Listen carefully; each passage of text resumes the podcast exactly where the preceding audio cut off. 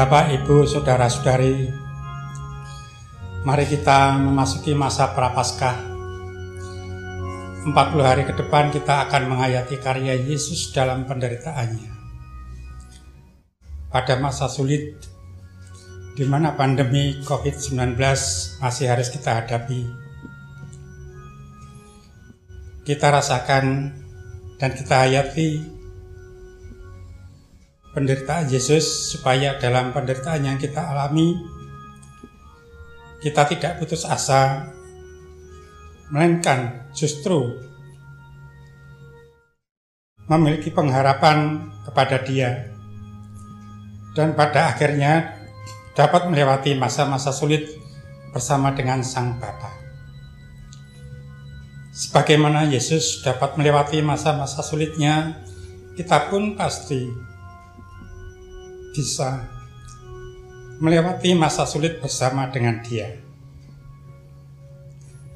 Kita memasuki ibadah kita dengan menyanyikan Kidung Jemaat 503, 353 bait pertama dan kedua. Sungguh lembut Tuhan Yesus memanggil.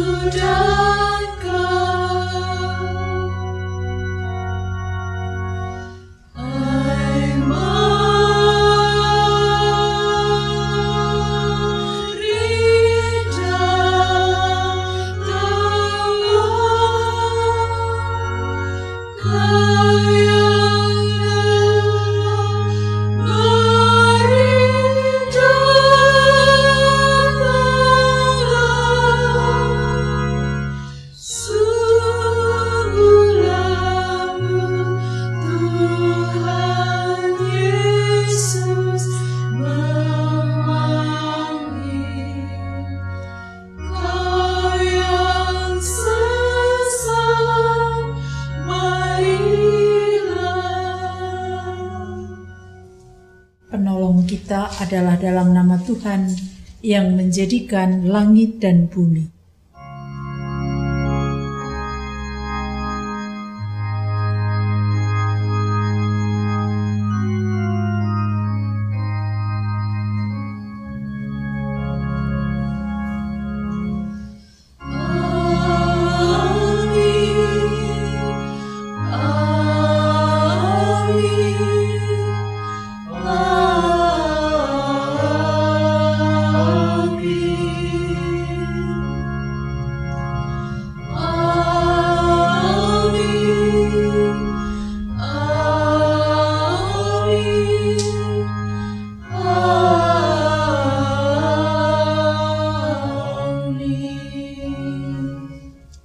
Kasih karunia dan damai sejahtera dari Allah Bapa kita dan dari Tuhan Yesus Kristus menyertai saudara sekalian. Dan menyertai saudara juga. Dipersilahkan untuk duduk kembali.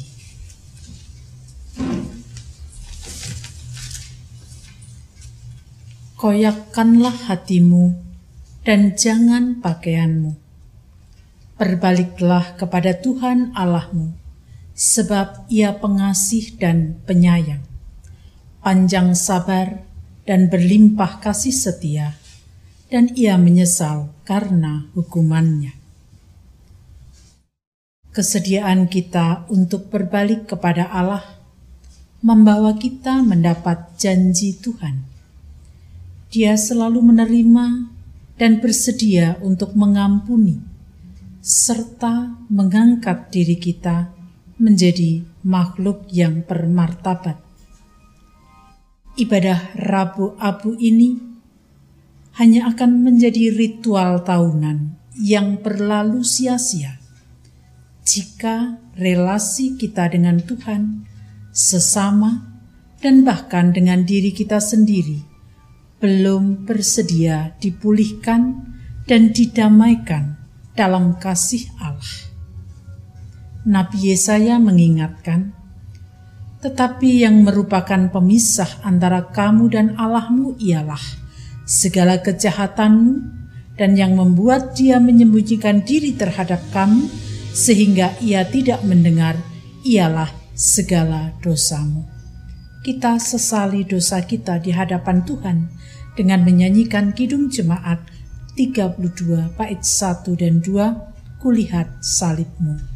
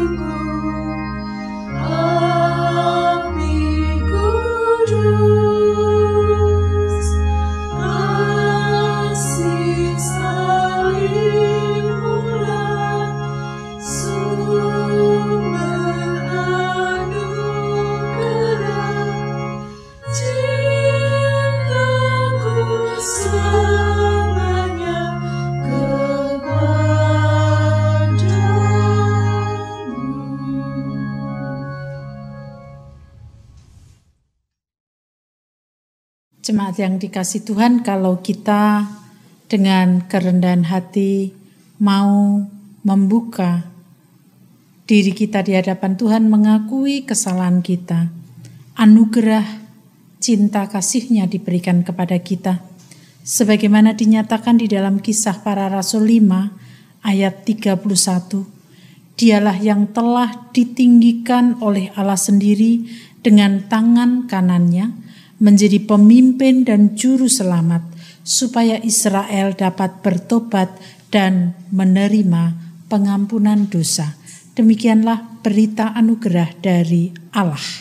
Syukur kepada Allah.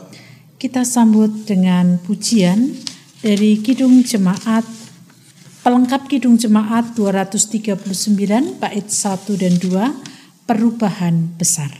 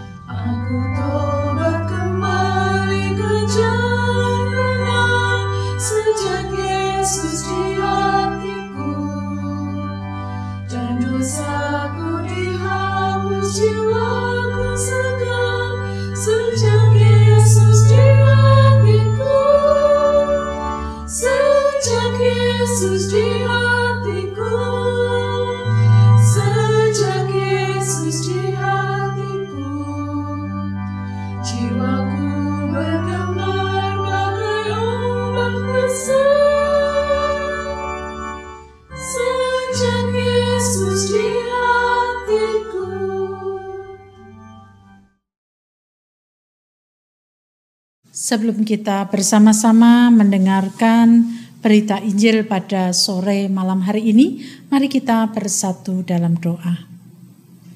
Tuhan Allah di surga, Allah yang senantiasa menyatakan cinta kasih, ketika kami memasuki masa prapaskah, kami boleh bersama-sama Tuhan kumpulkan dalam persekutuan di rumah kami masing-masing, untuk kami menghayati akan penderitaan Tuhan sebagai bukti cinta Tuhan kepada kami. Sebentar lagi kami hendak menerima sabdamu, kiranya kuasa roh kudus yang akan menopang, menolong, memampukan kami untuk mengerti, memahami, bahkan melaksanakan dalam kehidupan sehari-hari. Dalam nama Tuhan Yesus kami berdoa. Amin. Jemaat yang dikasih Tuhan pada petang malam hari ini memasuki Minggu Prapaskah, kita bersama-sama akan belajar dari kesaksian Injil Matius pasal 6 ayat 1 sampai dengan 6, lalu nanti dilanjutkan ayat 16 sampai dengan ayat yang ke-18. Matius pasal 6 ayat 1 sampai 6 dilanjutkan ayat 16 sampai dengan 18. Hal memberi sedekah. Ingatlah, jangan kamu melakukan kewajiban agamamu di hadapan orang supaya dilihat mereka, karena jika demikian kamu tidak beroleh upah dari Bapamu di surga. Jadi, apabila engkau memberi sedekah, janganlah engkau mencanangkan hal itu seperti yang dilakukan orang munafik di rumah-rumah ibadat dan di lorong-lorong, supaya mereka dipuji orang. Aku berkata kepadamu, sesungguhnya mereka sudah mendapat upahnya. Tetapi jika engkau memberi sedekah, janganlah diketahui tangan kirimu apa yang diperbuat tangan kananmu. Hendaklah sedekahmu itu diberikan dengan tersembunyi maka Bapamu yang melihat yang tersembunyi akan membalaskan membalasnya kepadamu. Dan apabila kamu berdoa, janganlah kamu berdoa seperti orang munafik. Mereka suka mengucapkan doanya dengan berdiri dalam rumah-rumah ibadat dan pada tikungan-tikungan jalan raya supaya mereka dilihat orang. Aku berkata kepadamu, sesungguhnya mereka sudah mendapat upahnya. Tetapi jika engkau berdoa, masuklah ke dalam kamarmu, tutuplah pintu, dan berdoalah kepada Bapamu yang ada di tempat tersembunyi. Maka Bapamu yang melihat yang tersembunyi akan membalasnya kepadamu. Dan apabila kamu berpuasa, janganlah muram mukamu seperti orang munafik. Mereka mengubah air mukanya supaya orang melihat bahwa mereka sedang berpuasa.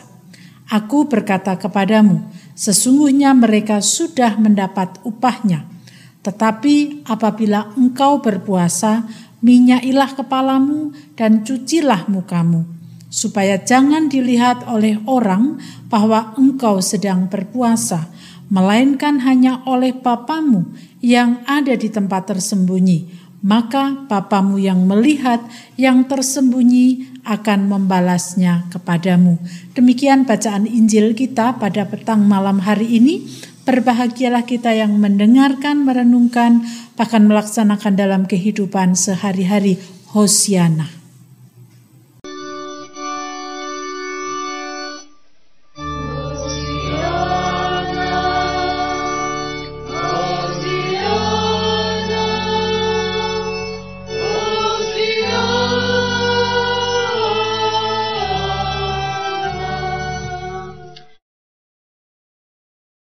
Jemaat yang dikasih Tuhan, selamat malam. Tahun ini kita tidak bisa seperti tahun kemarin. Dalam ibadah Rabu Abu, kita masih bisa bertemu, kita masih bersama-sama bersekutu dalam pertemuan secara langsung. Tentu ini menjadi sesuatu hal yang baru bagi kita ketika kita masih harus berada dalam sebuah ibadah di rumah kita masing-masing. Tetapi saya yakin karena Rabu Abu, ibadah Rabu Abu bukan hanya sekedar ritual, maka saya yakin ini bisa dihayati oleh setiap kita. Bapak Ibu Saudara yang dikasih Tuhan, kalau kita kembali melihat bacaan kita pada malam hari ini, bacaan kita bercerita tentang sebuah khotbah Yesus di bukit. Jadi pasal 6 ini menjadi sebuah bagian atau rangkaian dari khotbah di bukit yang disampaikan oleh Yesus. Bagian dari khotbah di bukit tersebut, Yesus hendak menyampaikan pengajaran kepada banyak orang yang mendengarnya, tetapi juga menjadi sebuah kritik bagi orang Yahudi. Mengapa? Karena pada masa Tuhan Yesus, ciri kehidupan rohani orang Yahudi itu dinampakkan dengan cara melakukan tiga hal. Yang pertama adalah sedekah, yang kedua adalah doa, dan yang ketiga adalah puasa. Nah, tiga hal kewajiban atau tiga hal ini harus dilakukan sebagai sebuah kewajiban. Kalau sebuah kewajiban berarti harus dilakukan. Dan tentu saja sedekah, berdoa, berpuasa, ini adalah sesuatu yang baik jika dilakukan. Kita tahu ketika sedekah berarti kita memberi kepada orang lain apa yang kita miliki. Kalau kemudian pada waktu itu orang Yahudi juga mempunyai sebuah ritual rohani memberi sesuatu kepada orang lain, itu kan sesuatu yang baik. Yang kedua adalah berdoa. Doa berarti membangun relasi dengan Tuhan. Dan yang ketiga adalah berpuasa. Dalam puasa orang akan menekan hawa nafsu dalam dirinya. Dan tiga hal ini adalah kewajiban yang penting sekali untuk dilakukan. Tiga hal ini adalah sesuatu yang baik ini menjadi catatan kita. Bagaimana kita selama ini sebagai umat Tuhan? Apakah kita juga memiliki tindakan untuk memberi? Apakah kita juga memiliki kehidupan doa? Apakah kita juga mau berpuasa? Seringkali orang berbicara, Orang Kristen ngapain berpuasa? Bukankah sudah diwakili oleh Yesus 40 hari 40 malam? Bapak Ibu Saudara, tiga hal yang dilakukan oleh orang Yahudi pada waktu itu adalah sesuatu yang baik dan tidak ada salahnya ketika kita juga mau melakukannya. Hanya kemudian yang menjadi permasalahan mengapa Yesus mengkritik apa yang dilakukan oleh orang Yahudi yang sebenarnya adalah baik. Yang menjadi persoalan adalah ketika mereka memberi atau ketika mereka bersedekah, mereka melakukannya dan mencanangkan. Mencanangkan artinya apa?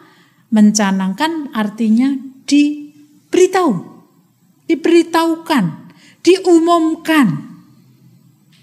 Kalau dalam bahasa Yunani memang sebenarnya artinya uh, dalam bahasa Yunani memakai kata salpiso. Salpiso ini memiliki arti membunyikan nafiri. Jadi kalau kemudian diterjemahkan, mencanangkan ini dalam bahasa Yunaninya salpiso dan sebenarnya itu artinya membunyikan nafiri.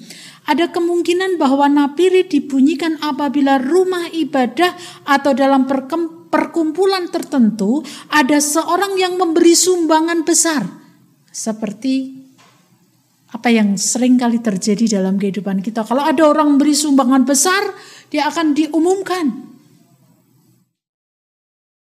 kalau yang punya Facebook di posting di Facebook. Jika demikian, maka nafiri yang dibunyikan itu untuk menghormati perbuatan dan juga ingin memberitahukan kepada Tuhan perbuatan yang sudah dilakukan. Membunyikan nafiri ini menjadi kata kiasan sebenarnya bahwa apa yang dilakukan oleh orang-orang yang melakukan kewajiban agama itu diumumkan. Jadi memberi sedekahnya itu baik dan itu juga harus kita teladani. Yang tidak baik adalah caranya. Ketika memberi dan kemudian dicanangkan, ketika memberi kemudian di, dipertunjukkan, dipertontonkan, itu yang dikritik oleh Yesus. Karena mereka sudah memberi dan kemudian sudah menerima upahnya. Artinya menerima upahnya apa? Ketika dicanangkan, ketika dipamerkan, ketika diberitahukan, banyak orang kan kemudian memuji. Sudah, mereka sudah mendapatkan upahnya sehingga tidak perlu lagi mengharapkan upah dari Tuhan. Itu yang pertama. Kemudian yang kedua, dalam hal doa. Orang-orang Yahudi, orang-orang Farisi suka melakukan ritual doa. Baik itu. Dan kita pun juga harus meneladani. Nah orang Yahudi pada waktu itu menentukan jam doa itu jam 9 pagi dan jam 3 sore. Nah ketika mereka sudah menentukan jam berdoa, maka orang-orang itu kemudian sebelum jam di mana harus berdoa, mereka keluar. Dengan harapan tank jam 9 atau tank jam 3 sore, mereka masih ada di luar. Nah karena mereka ada di luar, berarti ada sebuah kewajiban yang harus di, di, dilakukan yaitu berdoa. Maka dikatakan di lorong-lorong jalan, di tempat-tempat terbuka. Supaya apa? Supaya orang melihat, oh walaupun dia ada di luar, tetapi dia uh, menyisihkan waktu untuk berdoa.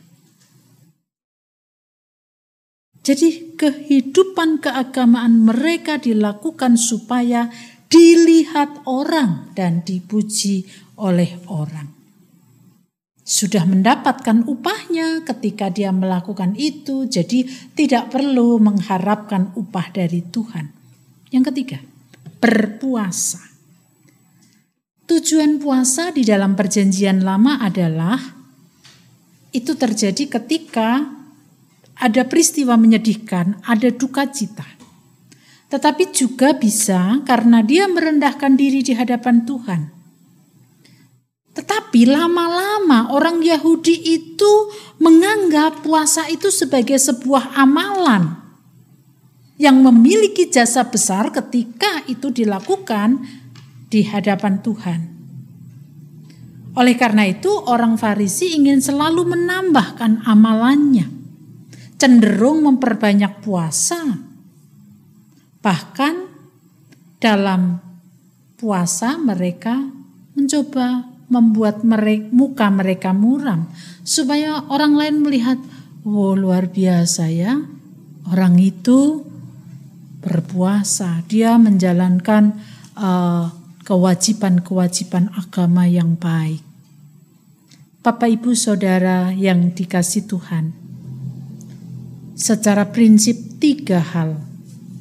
Kewajiban agama yang dilakukan oleh orang Yahudi tidak salah. Yang salah adalah caranya. Dipertontonkan. Itu yang dikritik oleh Yesus. Yesus hendak mengatakan dari tiga hal Kewajiban agama itu harus dilakukan di dalam kerendahan hati, bukan untuk dipertontonkan. Itulah sebabnya, Bapak, Ibu, Saudara, mari kita belajar untuk meneladani apa-apa yang dilakukan oleh orang Yahudi terkait dengan sedekah, memberi, berdoa, kemudian berpuasa. Tetapi dengan cara bukan untuk dipertontonkan, tetapi itu kita lakukan dalam kerendahan hati karena kita tidak bisa melewati hidup ini sendiri. Kita membutuhkan Tuhan di dalam perjalanan hidup kita.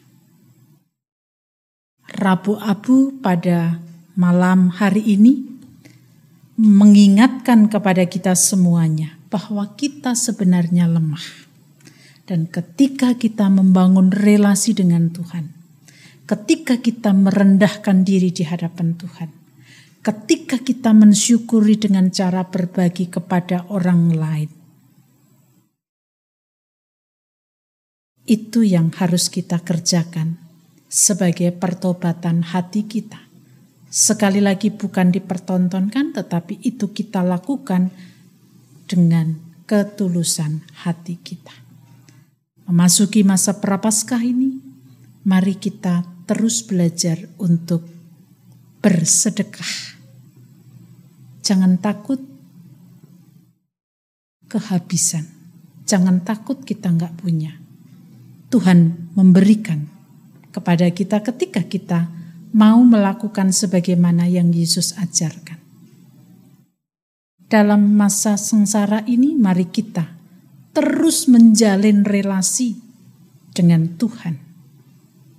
Dan mari kita merendahkan diri di hadapan Tuhan dengan cara berpuasa, supaya kita semakin dapat merasakan bagaimana kebaikan Tuhan atas hidup kita. Selamat memasuki masa Prapaskah tahun 2021. Yakinlah Tuhan menolong kita melewati masa-masa sulit yang harus kita hadapi.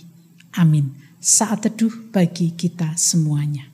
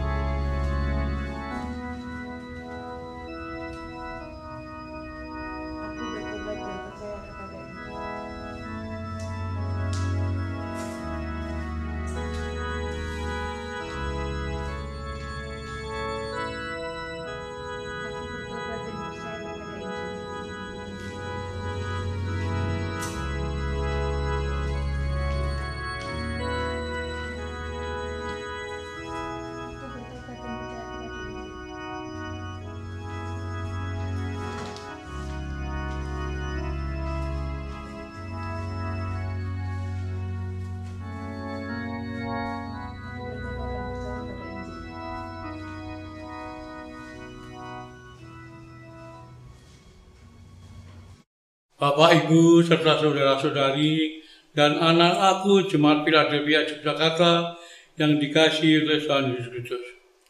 Marilah, Bapak Ibu, saya ajak untuk bangkit berdiri.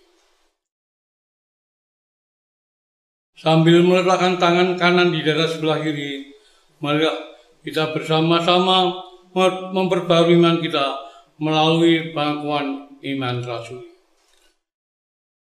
Aku percaya pada Allah Bapa yang Maha Kuasa, Kalik langit dan bumi, dan pada Yesus Kristus, Anak yang tunggal Tuhan kita, yang dikandung daripada Roh Kudus, lahir dari anak darah Maria, yang menderita di bawah pemerintahan Pontius Pilatus, disalibkan, mati, dan dikuburkan, turun dalam kerajaan maut. Pada hari yang ketiga, bangkit pula dari antara orang mati naik ke surga, duduk di sebelah kanan Allah Bapa yang Maha Kuasa, dan akan datang sana untuk menghakimi orang yang hidup dan yang mati. Aku percaya pada Roh Kudus, gereja yang kudus dan am, persekutuan orang kudus, pengampunan dosa, kebangkitan daging, dan hidup yang kekal. Bapak, Ibu, Saudara-saudari, serta anak-anakku, dipersilakan untuk duduk kembali.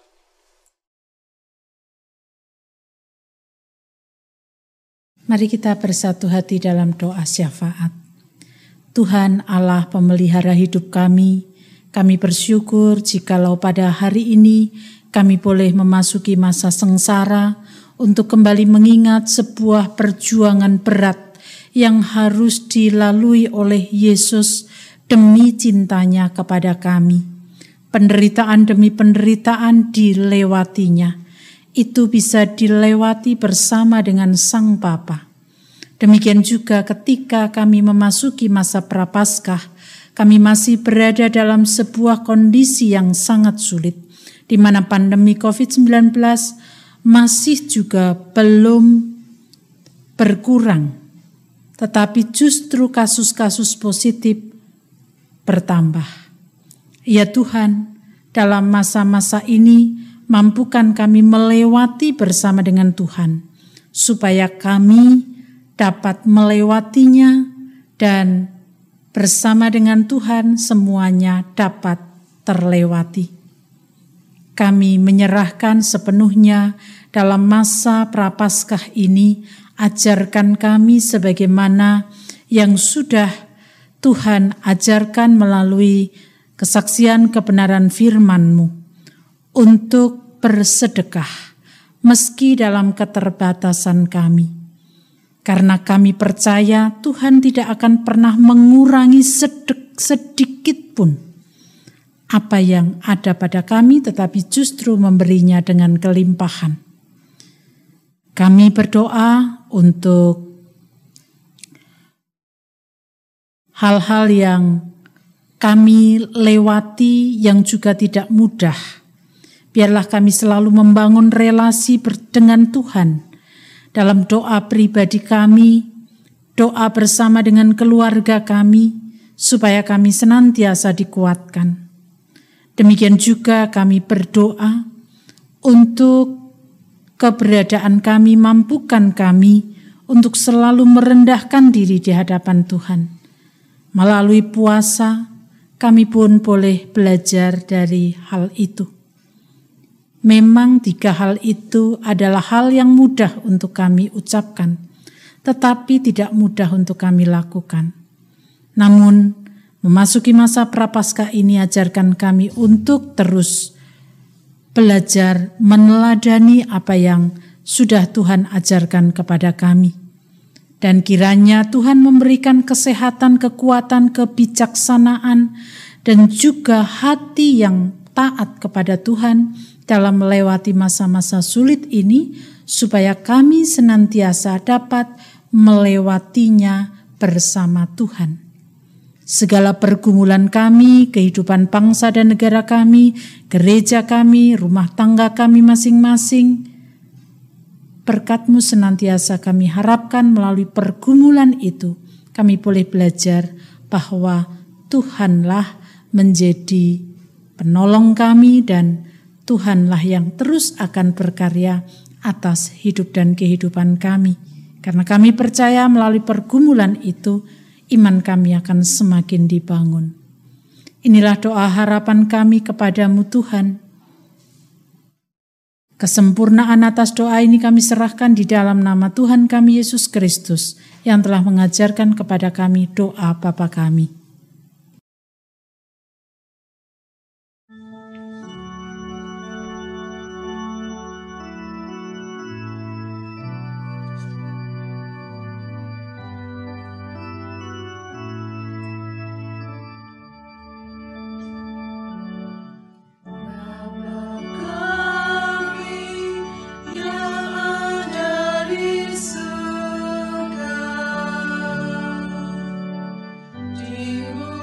was the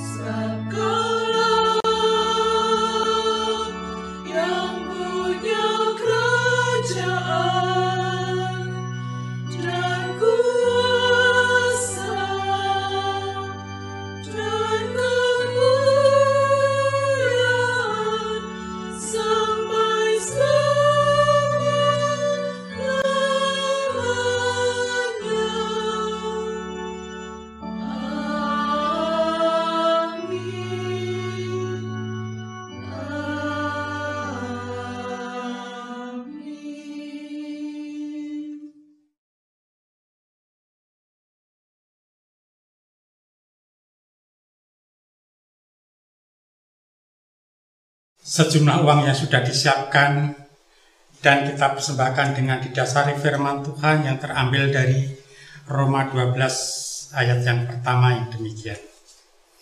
Karena itu saudara-saudara, demi kemurahan Allah aku menasihatkan kamu supaya kamu mempersembahkan tubuhmu sebagai persembahan yang hidup, yang kudus, dan yang berkenan kepada Allah.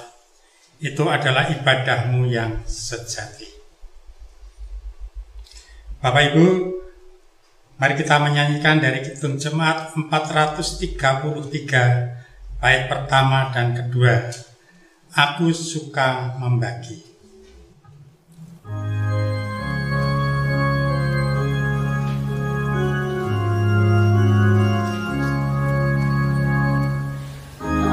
Mari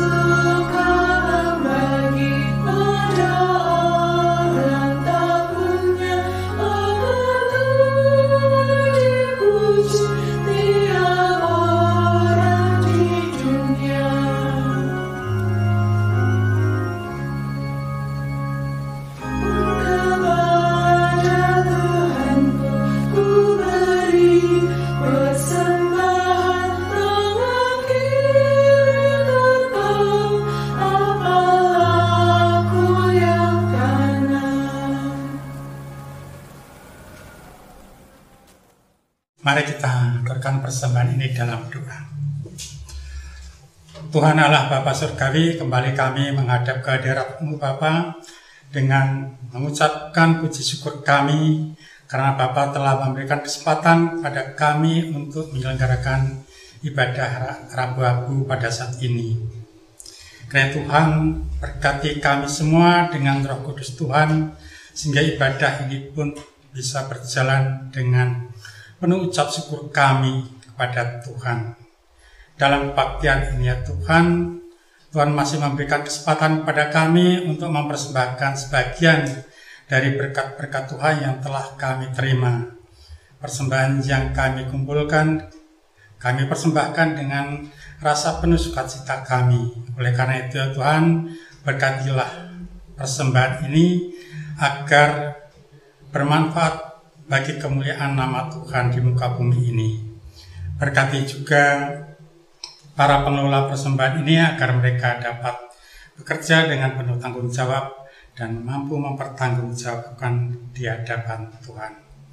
Mampukanlah setiap pribadi kami, ya Tuhan, untuk mempersembahkan tenaga dan pikiran kami untuk bisa ambil bagian di dalam melayani sama kami di mana kami berada melalui sikap, tingkah laku, dan perbuatan kami.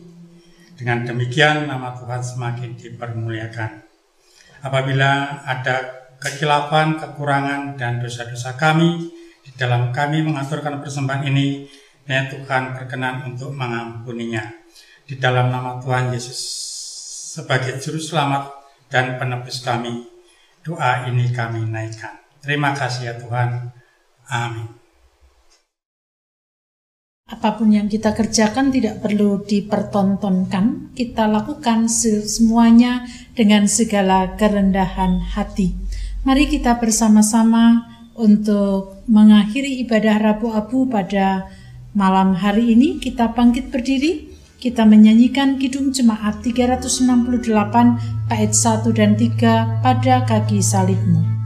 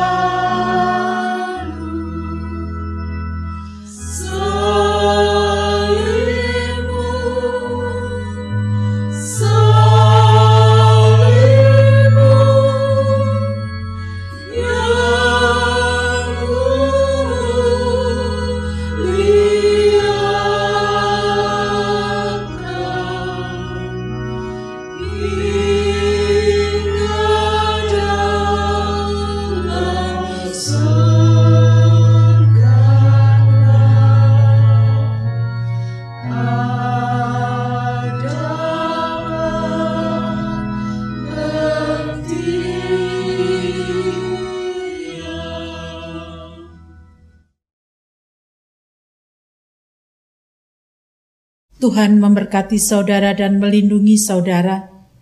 Tuhan menyinari saudara dengan wajahnya dan memberi saudara kasih karunia.